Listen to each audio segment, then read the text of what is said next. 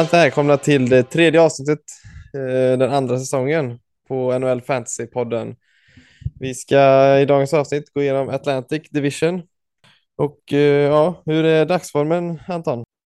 Den känns mycket bra. Det är väldigt, eh, vi spelar in på sådana fantastiskt härliga kvällstider så man är ju lite så här lite lagom seg. Och, men att då snacka fantasy en dryg timme är inte helt fel trots allt. Eh, Håller med, håller med. Man får ju ta den tid eh, man får. Ja, Men podden ska ut, så är det ju.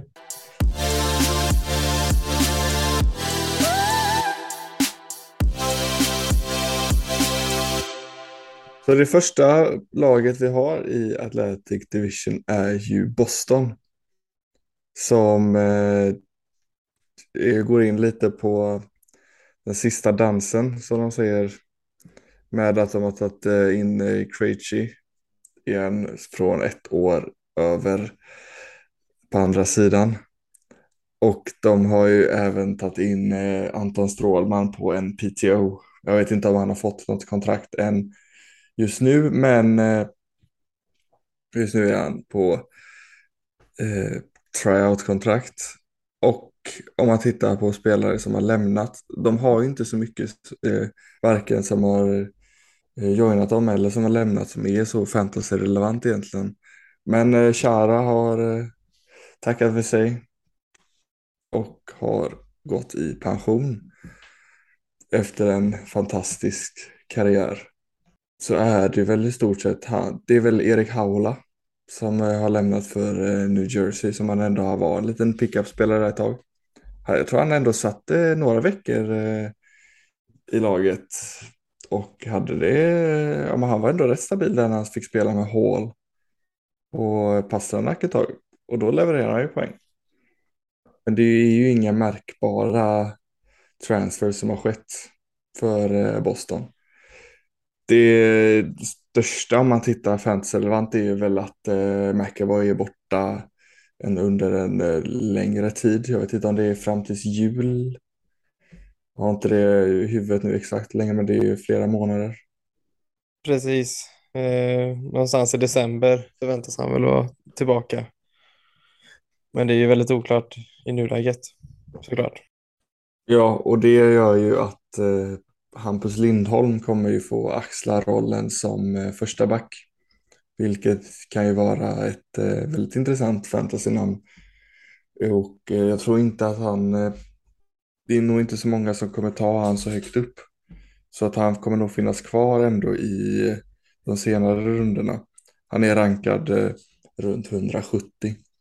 Så att han finns ju ändå liksom tillgänglig ifall man eh, ja, men vill ha en första back, ändå ett lag som kommer att eh, ja, men ändå tampas om slutspel. Tror jag i alla fall. Och då kommer han att vara det i början. Vad har du för tankar kring Boston? Ja, du har ju sagt det mesta här känner väl jag eh, för Boston.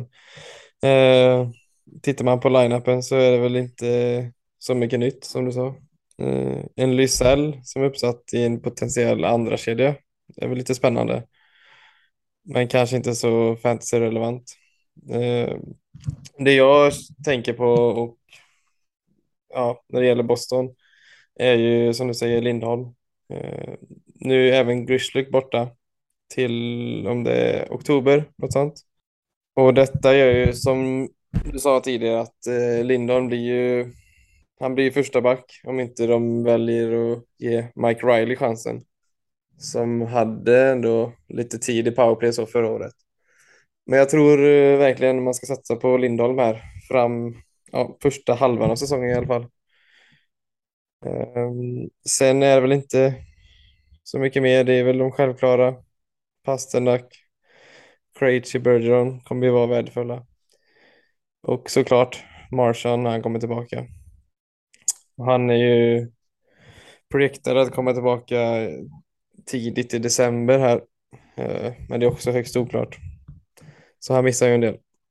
Sen när det gäller målvakterna, det tycker jag är ett litet eh, eh, intressant ämne att diskutera. För att vi vet ju inte vem det är av de som kommer stå. Medan eh, Swayman är rankad runt 90.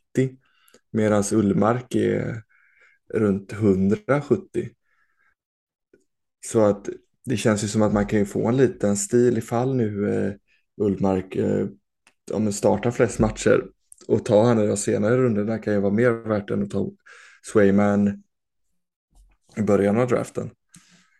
Men det är samtidigt, ja, folk vet säkert mer än vad jag vet då, men eh, har ändå är rankad så pass högt eh, framför. Ja, ja, för mig känns det fortfarande 50-50.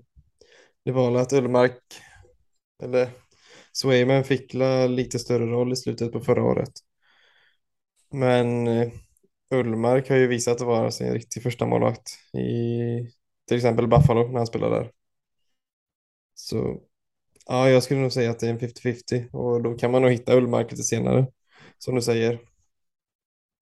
Det känns väl lite som att eh, ja, men Ullmark vet man ju vart man har någonstans medan eh, Swayman har man inte riktigt fått ett grepp om. Om man, eh, vad han egentligen är. Ullmark vet man ju kan vara en eh, bra NHL första målvakt liksom. En väldigt, väldigt bra 1B också. Men han kan ändå ta, vara en 1A i ett bra lag. Medan man, eh, Swayman har ju absolut potentialen till att vara ännu bättre. Men man vet ju, det känns som att man inte riktigt fått ett grepp om honom. Ja, så är det nog. Han är väl lite eh, mer high risk, high reward så, för, Buffalo, eller för Boston. Eh, han är väl också lite yngre och har väl några år framöver här nu. Där han kan eh, ja, visa egentligen vad han går för.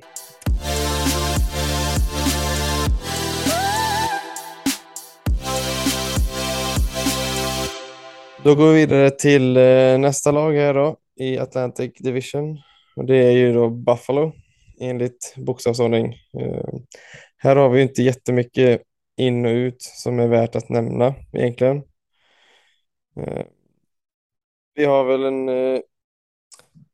vi har en Dustin Tokarski som har lämnat till Pittsburgh. Sen har vi även Colin Miller som gick till Dallas.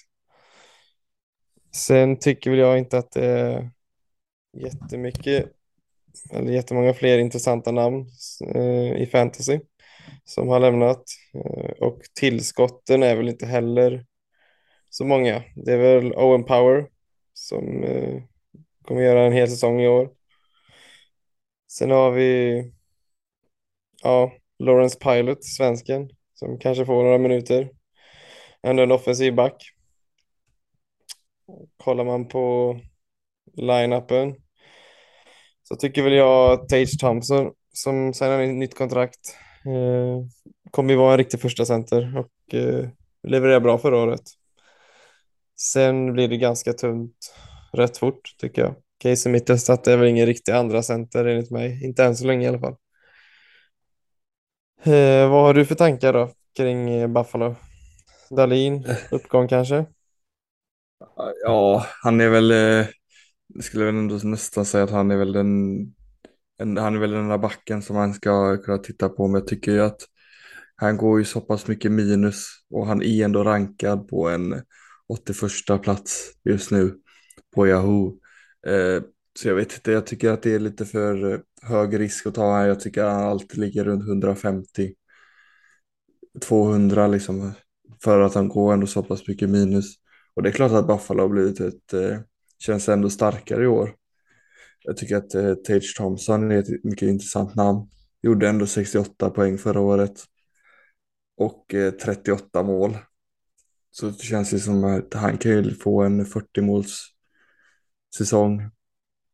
Eh, sen, ja, Viktor Olofsson kommer ju spela med, eh, troligtvis med eh, Thompson i första linjen.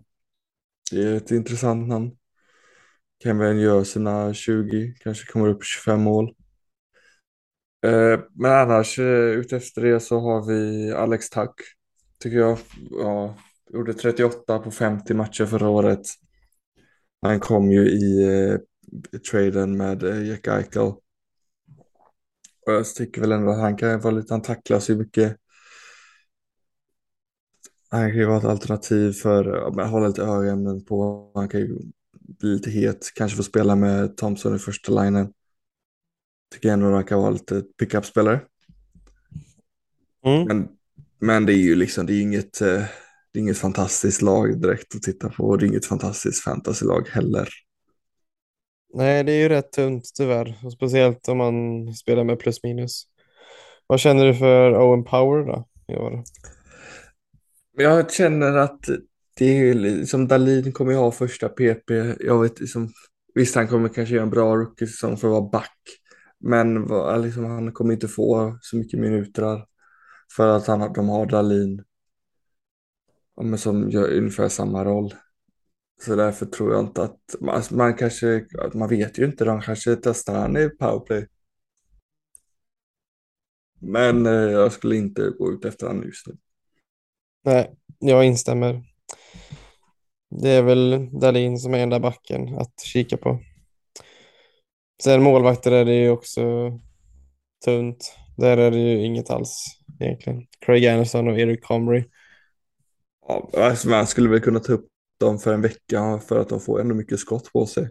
Kan de göra decent matcher så kan man ändå få in en, eh, några poäng där. Ja, frågan är bara vem som står så. Craig är väl första, men håller han en hel säsong? Ja, orkar han? Han är ju ändå 41.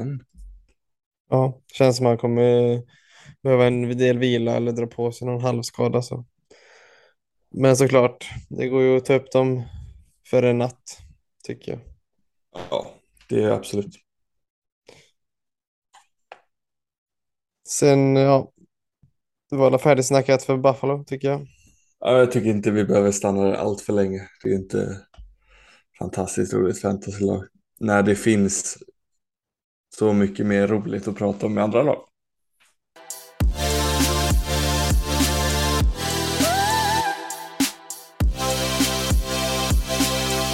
Men vi rör oss vidare till eh, Detroit Red Wings som inte heller har eh, så många eh, transactions gjorda i sommar med fantasyvärde.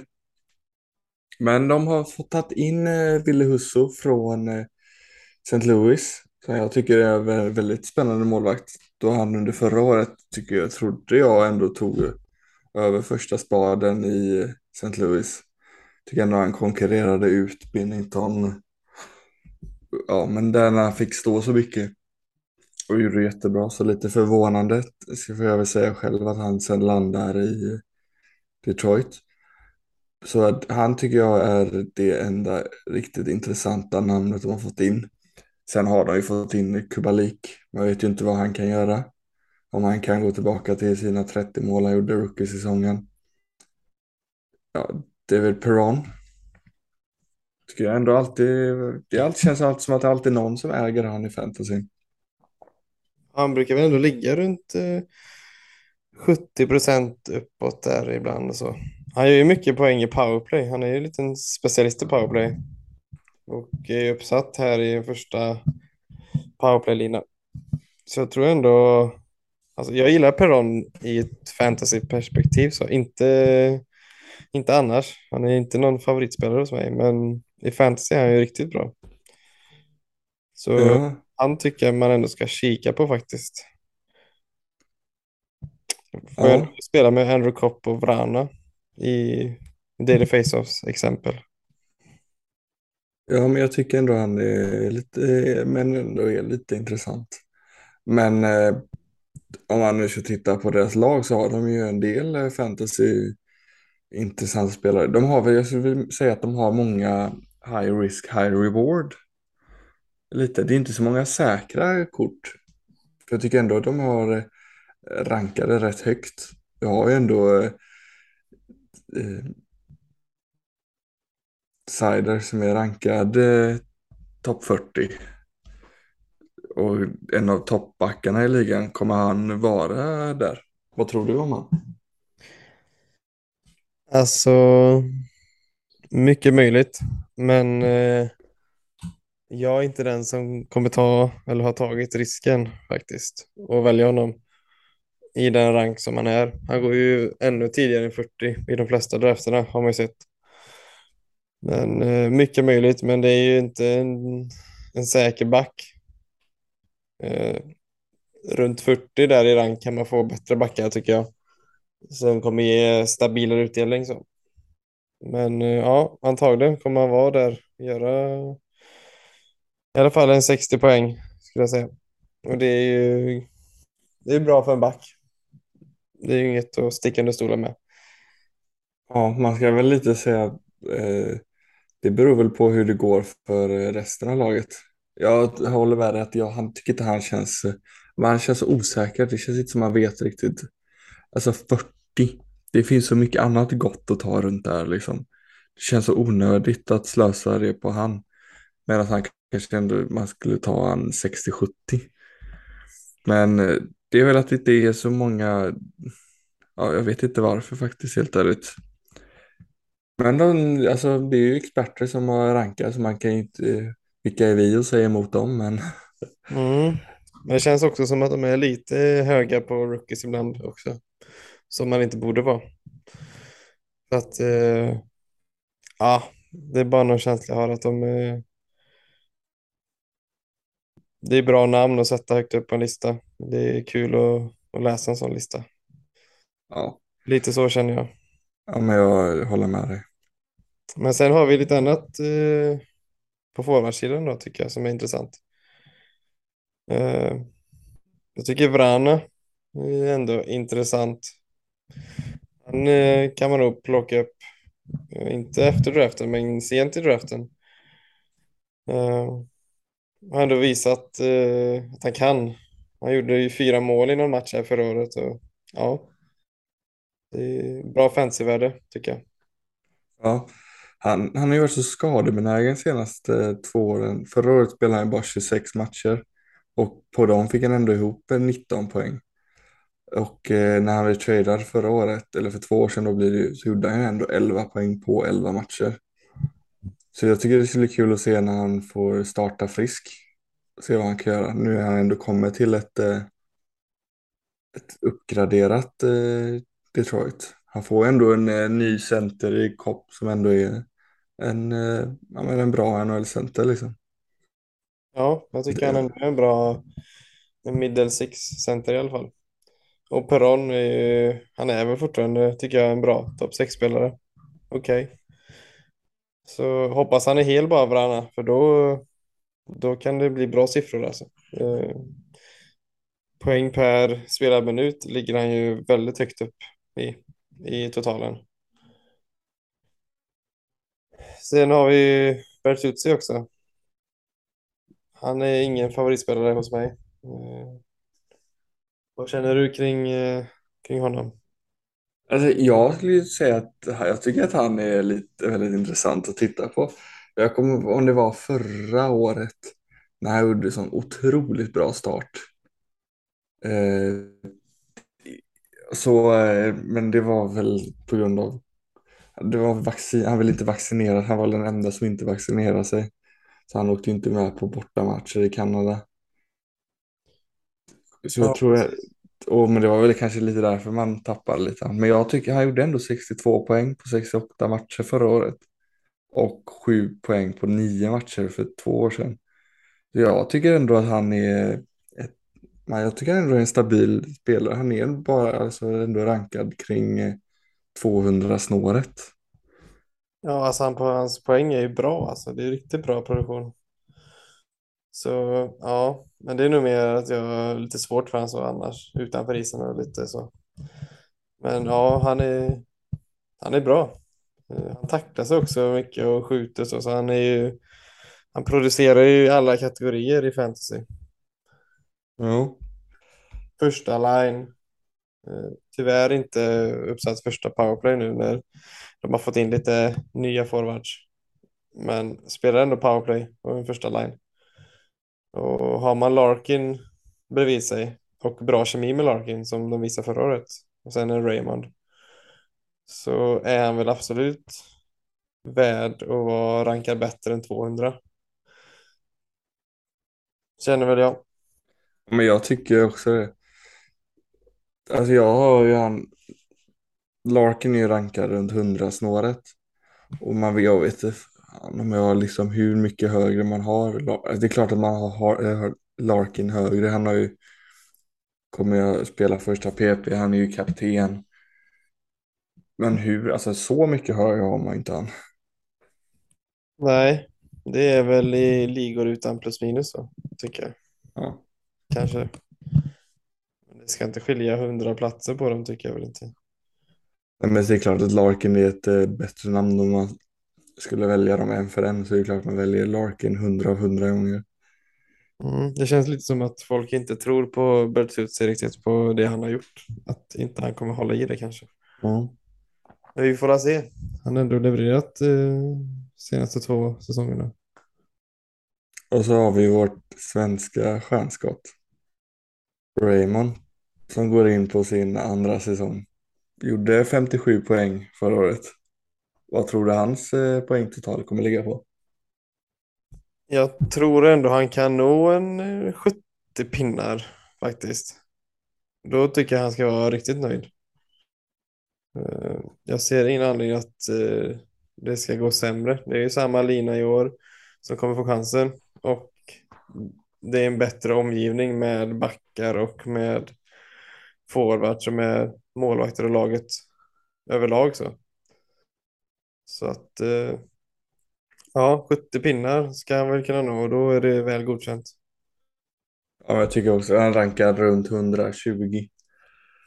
Så att eh, ja, men han kan man ju absolut. Jag vet inte, jag tror jag kommer inte gå på någon i Detroit om jag ska vara så, utan i sådana fall är det Vrana på grund av rankingen. Ja, jag håller med. Vrana, Peron kommer jag också titta på dock. Bra namn, bra namn. Sen har vi målvakten också som jag tycker är intressanta. Jag tycker Husso är riktigt bra som du sa tidigare. Men det blir ju en, en delning här antagligen. Eftersom att Nedeljkovic ändå har visat att han är bra. Han är väl ingen stjärna så men det blir väl en jämnare fördelning mellan målvakterna tänker jag. Ja, jag glömde faktiskt precis av målvakterna när jag sa mitt, eh, det jag sa precis. Jag sitter ju på Husso i en av ligorna just nu. Och jag hoppas ju att han kommer att eh, stå mest, för jag tyckte ändå han visade förra året att han kunde vara en eh, första målvakt. För det känns som att eh, de hade inte tagit in han annars. Jag tror inte de tar in han för att eh, vara andra keeper. Men Nedeljkovic gjorde det ändå bra. Spelade 60 matcher förra året. Och båda är ju, eh, de är ju unga. Så det, ja, det blir spännande att se vem det är som får lira mest. Ja, jag tänker att, eh, att de tänkte att det är en form av tandemlösning tills någon visar sig vara första målvakten. Men Husso har väl the upper hand skulle jag säga i nuläget. Det känns väl ändå som att han kommer få eh, chansen eh, från start och kanske få några fler chanser för att de ändå tagit in honom. Ja, antagligen. Men sen Husso har ju inte visat heller. Det är ju inte en hel säsong ens han har visat utan han konkurrerar ut Bennington och stod väl halva säsongen om ens det. Så ja, värt att kolla på i alla fall. Ja men verkligen.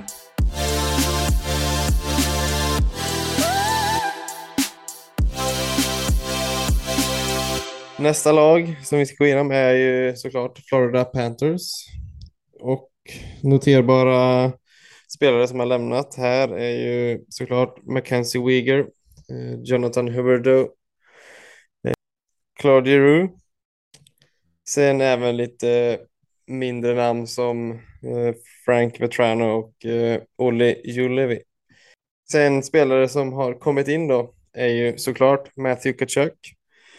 Eh, och sen lite mindre men ändå intressanta namn. Eh, bröderna Stahl där, Erik och Mark. Eh, och sen är det väl inget jätterelevant som har kommit in. Ben Chiro var ju inne och lämnade sen i somras för Detroit. Så ja, vad känner vi för Florida? Ja men vi var ju ändå touchade på traden när vi pratade om eh, Calgary i det avsnittet. Men vi får väl nämna Kachak då som kommer in från en 100 poäng säsong. Är rankad eh, som 16 just nu. Känns som att eh, han är ju en riktigt bra eh, fantasyspelare. Han tacklas ju och han gör ju poäng obviously. Men det man vet ju inte, han kanske inte riktigt kommer ha den här 100 poängsäsongen igen. Jag vet inte om jag har han som en 100 poängsspelare. Nej, Rikt- jag håller med. Men han gör ju så, ger ju så mycket mer. Ja, i fantasy blir han ju lite... Han blir extra mycket värd om man kör med hits och ja, blocks också. Han är ju tuff, han har ju grit liksom. Eh, och sen gör han även poäng. Men 100 poäng eh, tror jag inte han kommer göra igen. Inte i alla fall back-to-back säsonger så. Eh, om han skulle göra det så måste han spela med Barkov tror jag. Och just nu står han ju uppställd med Sam Bennett och Colin White och det är väl ingen jättekedja. Så Bennett är ju bra men han är lite samma spelstil så jag vet inte om det är bra att ha dem ihop. Och Barkov har ju spelat med Verhage i ett par år här nu så att jag vet inte om de särar på dem heller i början här. Så det är väl Sam Reinhardt som de ska flytta på i första line för att få plats med Kutchak. Så ja, det hänger lite på det tror jag. Eh, Men det är lite Ja. som, eh, som Hubbard och jag tror inte de kommer göra bättre säsonger i de här nya lagen. Nej, det känns ju rätt svårt att liksom toppa det. Det är väl vad de kan hålla i. Medan eh, då eh, de tappar Uyghur på backen så jag tycker ju det att man kan hålla ett öga på Forsling som just nu är uppsatt i första backpar. Och en, även ett eh, andra PP. Så han tycker jag ändå kan vara intressant. För man vet ju, han har gjort börjat växa fram mer och mer.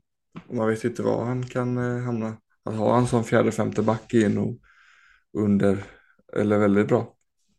För han är ju rankad eh, runt 200 så han lär ju finnas i slutet av drafterna. Jag tror tyvärr inte dock han kommer finnas ifall man som pickup-spelare utan det är i sådana fall ifall man ska drafta han sent.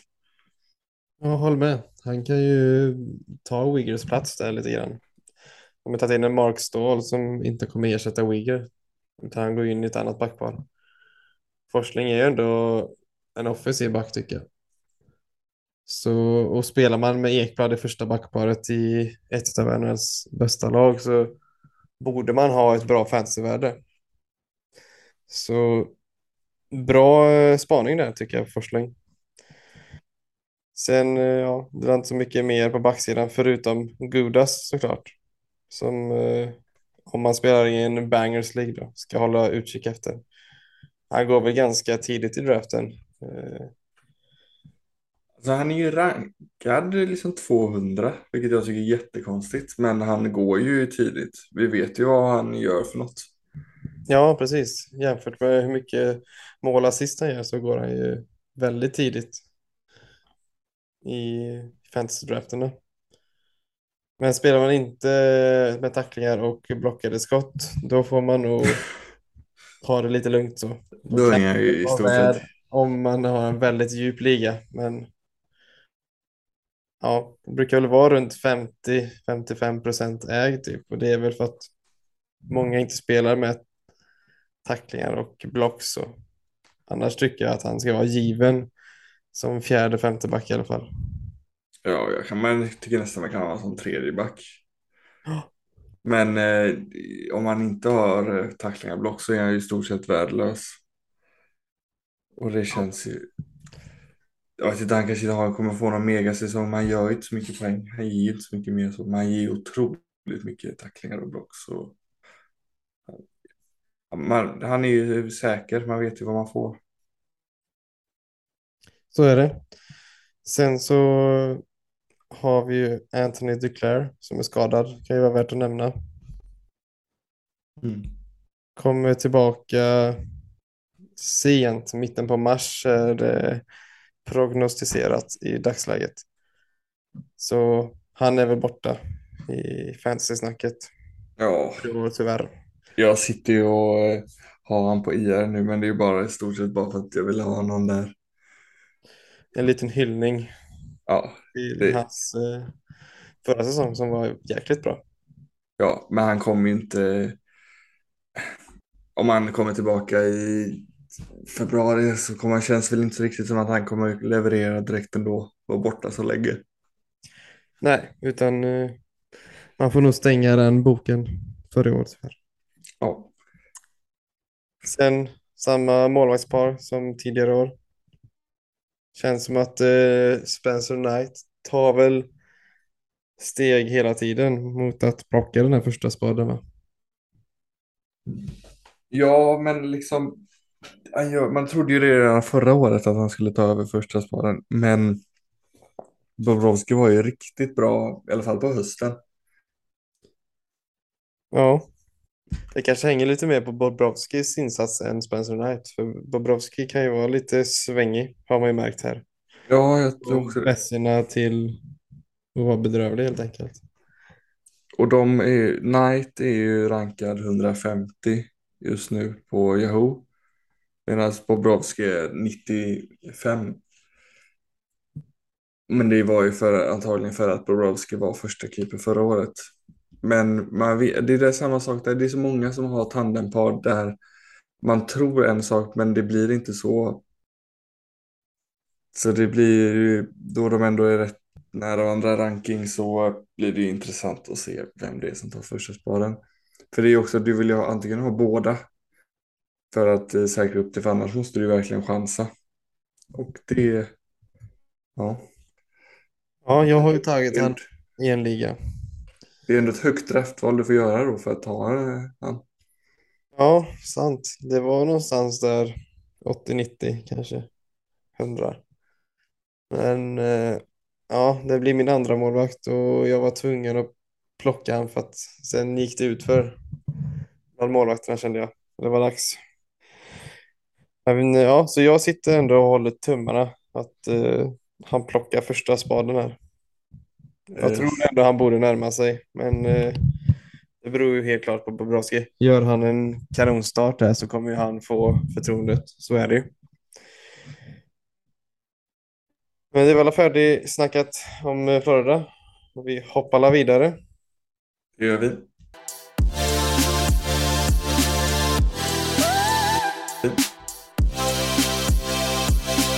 Nästa lag i divisionen är Montreal Canadiens som har haft en eh, rätt eh, busy sommar.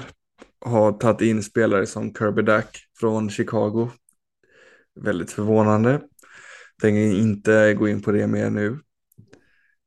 Man blir upprörd som Chicago-fan varje gång man ser de här traderna som har skett. De har eh, draftat eh, först och tog eh, Slovaken Jaroslav Slavkovski.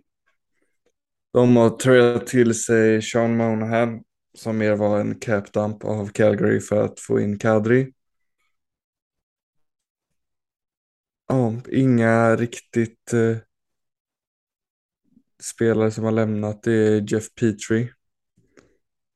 Det är väl det mest eh, notabla. Förutom, ja, Shea Webber lämnar för Vegas, men han har ju mest avslutat sin karriär. Och tyvärr så säger de att troligtvis kommer ju inte Price att spela någon mer hockey. Så, ja, en snabb genomgång av deras eh, trader och eh, nya spelare in och ut. Vad har du för känsla kring eh, Montreal? Min spontana känsla är väl att deras backsida, backsida ser bedrövlig ut. Eh, de har Chris Wideman uppsatt i ett första powerplay. Och det är ju lite pinsamt tycker jag ändå. Men ja, annars, forwardsidan är väl ändå intressant. En del unga namn, Suzuki, Caulfield, eh, Kirby Duck. Det är ändå intressant. Kanske kan Hoffman studsa tillbaka. Han är ju ändå en sniper. Eh, sen Dadonov, Dvorak tycker jag inte är jätteroliga. Det är väl inga namn jag kommer titta på. Men jag har en fråga då. Josh Anderson, Mm. Han, hur ser han ut? För två år sedan hade han ju en megasäsong där han ändå producerade okej med poäng och smällde på som satan. Men sen hade han det tufft förra året ju. Och Men det hade ju hela Montreal. Ja, så är det faktiskt. Han drog på sig skada också så att han kan vara en liten dark horse här i, i Montreal-laget. Eller kanske hela NHL så. Eh, någon man kan kanske kika på. Han borde ju vara ledig. Nu har jag inte koll på exakt eh, hur många som äger honom. Men eh, Han är bara ägd av 5 procent. ja, precis. Så att eh, vill man chansa på honom eller göra en kvalificerad gissning skulle jag kalla det. Att, eh, att han kommer studsa tillbaka så har man ju chansen här. Eh, finns ju ledig i alla ligor i princip. Och ja, står ändå uppsatt med Kirby Dack som eh, också borde lyfta eller göra en bättre säsong än förra året, tänker jag. Eh, finns ändå plats framåt. Dadonov, Dvorak Gallagher. Eh, jag ser väl att de platserna är inte jättesäkra, speciellt inte Dadonov om han inte levererar. Så ja, bra spaning igen där, Josh Anderson. Jag gillade honom, jag hade han eh, för två år sedan där en längre stund. Så det kanske är dags att eh, lägga lite pengar på han igen. Jag vet inte. Men jag tycker ändå att han- ja, får man en spelare på IR, du vet inte vad du ska ta upp, så tycker jag absolut att han kan vara värd att chansa på. Jag tycker eh, verkligen att man ska hålla utkik här. Kanske se första fem matcherna. Eh, studera lite hur hans spelstil är nu efter skadorna och efter de här säsongerna. Och även se hur Montreal är som lag. Och har han den här Wilson light light-stilen, den ändå skjuter mycket, tacklas mycket och ändå ja, får in ett par baljor, då skulle jag nog inte tveka att plocka upp han som eh, min sista forward in så. Speciellt inte om jag får någon skada så. Så ja. Värt att kolla på. Sen som sagt backsidan. Är det något du kikar efter där? Nej, eh, verkligen inte. Det finns liksom ingenting här som jag tycker är intressant.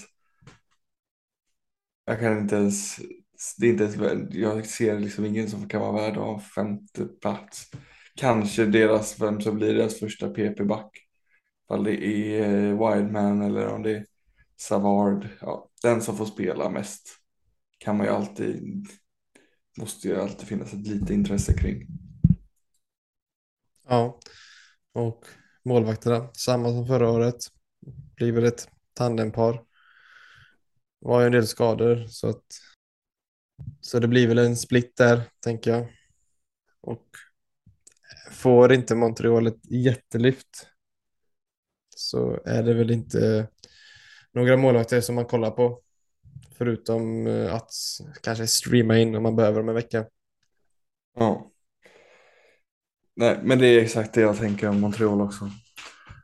Så att eh, vi får väl röra oss vidare till eh, ett annat eh, kanadensiskt lag som finns lite mer intressant att prata om.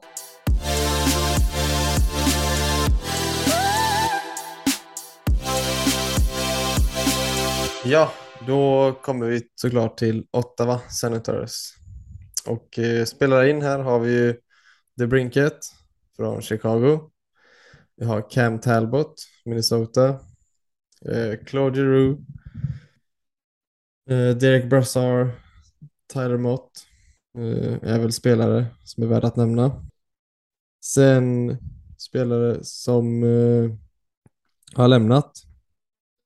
Det är ju Matt Murray. Var väl ingen succé i Ottawa. Eh, Filip Gustafsson, även han lämnat. Uh, Colin White, Connor Brown. Uh, sen har vi väl inte så jättestora namn. Adam Gudett. Ja, vad säger vi? Ottawa ser väl ändå rätt intressant ut inför säsongen. När man har draftat tycker jag att det har varit Ottawa-spelare hela tiden i början av draften. Alla dra- spelare har varit rankade typ runt 40, 50, 60. alla Norris, eh, Batterson, eh, DeBrink, ja, DeBrinkat och Kachak är ju tidiga, tidigare draftade, men Stützle, Euro. Jag tycker att man bara såg eh, åtta spelare hela tiden.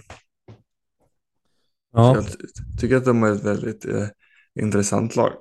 De spelar ju en tuff division så man vet ju inte hur mycket matcher de kommer vinna. Om man ska titta på målvakter då. För de har ju inte det bästa målvaktsparet där med Forsberg och Hellberg. Svenskt målvaktspar. Då Talbot kommer vara borta om i alla fall ja, en månad tror jag jag läste. Han är vecka till vecka i alla fall.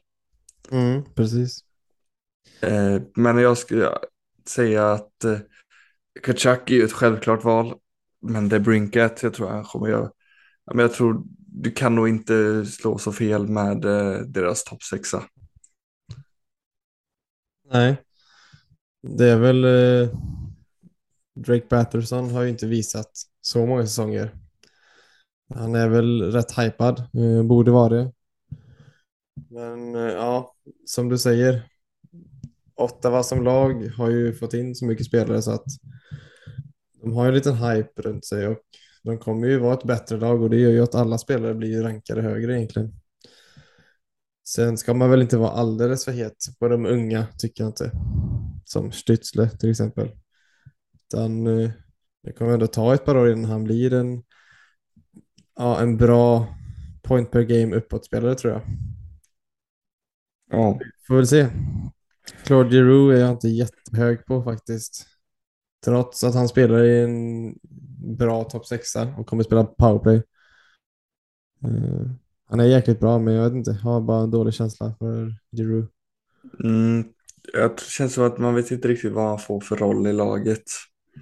Han kan ju, de har ju liksom ja, skickliga spelare, men eh, det känns väl som att han kommer mer in med ledarskap och erfarenhet i det här unga laget. Ja, de har ju två rightare före han i hierarkin framåt tycker jag. På forwardsidan. Men sen, ja, kollar vi på backsidan tycker jag Thomas Chabot är alltid intressant. Det jag tycker är lite intressant med han är att han är rankad runt 140. Ja. Men med ett sånt här powerplay så känns det, jag tycker det är lite konstigt. Ja, jag tycker han ska vara topp 100 lätt. Men det är väl lite det han... Eh, alltså, Ottawa har inte varit ett jättebra lag senaste åren så han har ju svår, haft svårt att gå plus. Han spelar ju typ halva matcherna nästan. Han spelar ju otroligt mycket. Och då går han ju rätt mycket minus i ett Ottawa. Men ja, konstigt att inte hans ranking eh, steg så mycket som alla andra Ottawa-spelare. Eh, nu när de har fått in ett sånt lag. Eh, han är väl egentligen den enda backen som jag tycker är intressant. De hade ju Artem Sub förra året som ändå fick lite hype i fantasy. Var ju ändå högt upp på free listan Annars är det väl inte så mycket mer bakåt att titta på.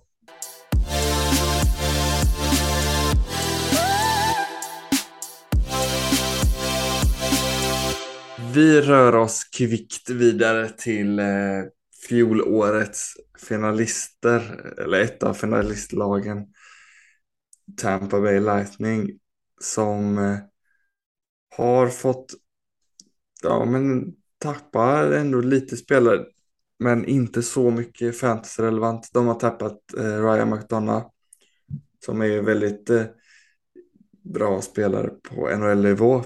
Men han är ingen spelare som har varit relevant i fantasy på flera år. Men de har även tappat Andrei Palat som gick till eh, Jersey. Som eh, ändå var en eh, topp 140-130 gubbe förra året. Rätt stabil där man visste vad man han gav.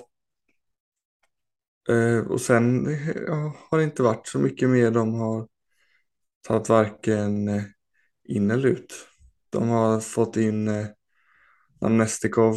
Det är ingen eh, jätterelevant i fantasy. Det är i stort sett det. Är i stort sett det. De går in med i stort sett samma lag till nästa år. Eh, om man ska titta på fantasyspelare. Och där finns det ju ändå en del intressant. För de har ju alla de här toppnamnen, i Kucherov, Stamkos, som går tidigt. Medan Point ändå är rankade lite senare i draften. Tycker du att, eh, vem är det du skulle targeta om vi säger Stamkos versus Point? Med tanke på vad de har för ranking. Då är det points såklart. Eh, hade du kämpat förra året points, så det är väl därför rankingen ser ut som den gör. Men kollar man uppställningen så spelar man Kutjerov och Stamkos. Det kan inte bli så mycket fel. Han, han borde sluta bättre än sin ranking i nuläget. Stamkos har jag väl lite svårt för att, att plocka i en, i en andra runda eller tidig andra runda. Eh, Kucherov är väl självklart topp fem-val. Sen, eh, jag tycker att det är första line i Tampa som är intressant. Sen så är det inte så jättemycket mer. Det är mycket ströspelare, mycket topp 9-spelare tycker jag som spelar topp 6. Förutom kanske då Cirelli som ändå har vuxit fram till en andra center nu i Tampa. Men ja, Brandon Hagel, Killorn. Eh, jag kan lika gärna se Nick Paul och Nemesnikov. Ross Colton kanske får chansen uppåt. Sen har vi en eh, ganska segmenterad och självklar fjärde line. Eh, och den gillar jag ändå att se med Belmar, Perry och eh, Maroon. Så ja, Maroon, får han tid i powerplay och eh, smäller på när han väl är inne och spelar så kan jag ändå känna att han och Perry som också spelar powerplay, de kan ändå vara intressanta att kika på. Annars är det inte så jättemycket mer än första line tycker jag inte. Vad känner du? Har du något, eh, någon känsla för mellansexan där? Andra, tredje line? Nej, men jag känner väl lite att det är nog lite vecka till vecka man får titta på dem. Alltså det är inga, det är inga jag skulle ta upp nu i förhand eller drafta. Utan jag får nog vänta och se om det är någon som blir lite extra het eller skador på någon i första linen. Mm, så är det väl. Det är lite samma på backsidan. De har Sergachev Hedman. Sen så är det väl mest defensiva backar som håller NHL-mått och som är där för att de sparar lönetak och är billiga egentligen. Och därmed inte så relevanta för oss som spelar fantasy. Så det är väl eh, status på Tampa. Vasilevski, tok-etta, som vanligt.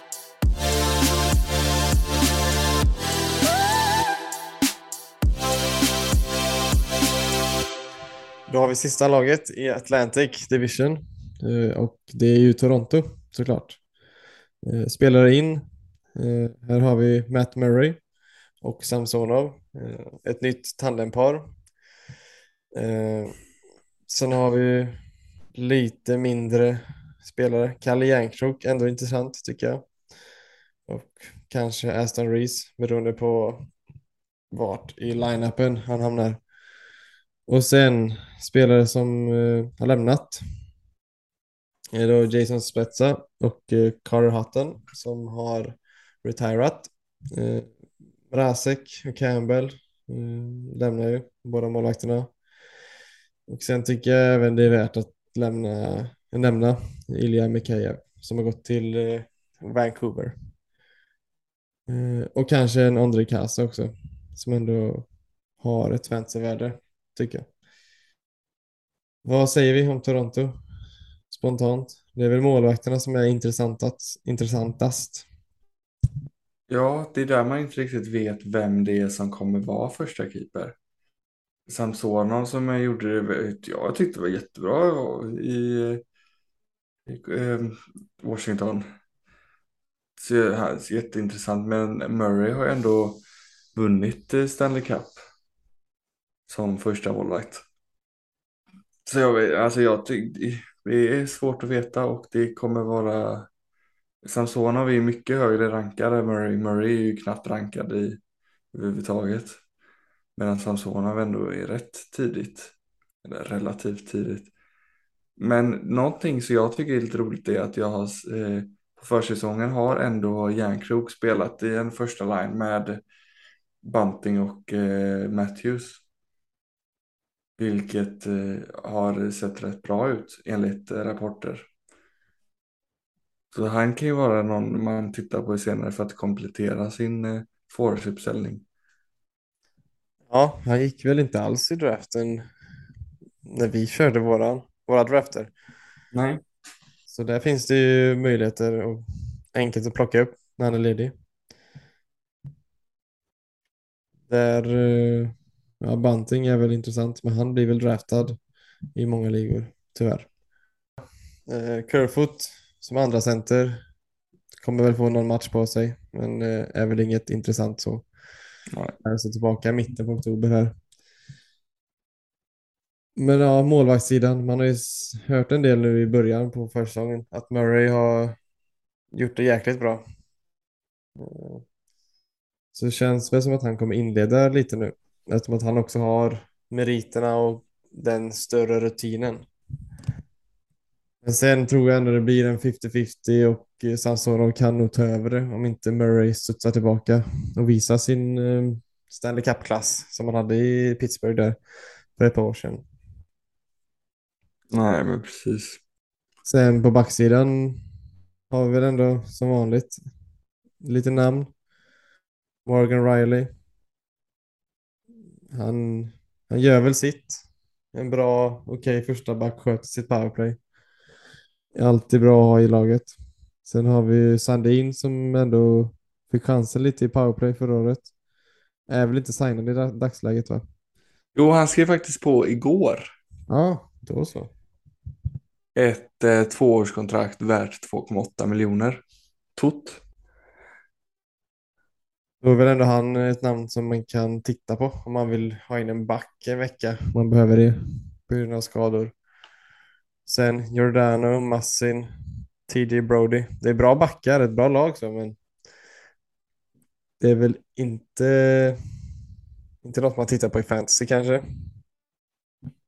Eh, nej, det, alltså det är väl toppen liksom. Den nya stjärnbacken Marner och Matthews och gubbarna liksom. Men det är ju ett namn som, som man har stenkoll på. Ja, sen så de har en, en del gubbar out nu, men det är väl inte något som är värt att nämna, förutom Tavares som är tillbaka här snart. Så ja, vi får se. Det ryktas om att Marner ska gå lite back här i boxplay och liknande, så jag vill hoppas för min del att han inte kommer spela back eftersom jag har han i en keeperliga. Mm. Och då kommer väl produktionen falla en del tänker jag ganska snabbt. Så det håller vi tummarna för att han inte kommer göra.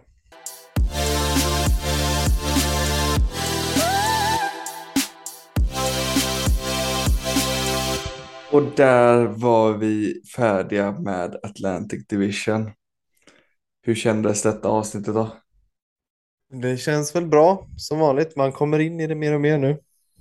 Men ja, det är ju sent när vi spelar in och man är ju seg. Men eh, Det blir ju lite enformigt också av att bara rabbla in och ut och sen lite intressant. ja, precis. Så väldigt mycket info som du säger. och Rabbla. Men ja, snart är vi klara och då kan vi sätta igång med de riktiga fantasyavsnitten vecka för vecka. Det är framåt. Nu är framåt. Vi säger, vi säger så för denna gången.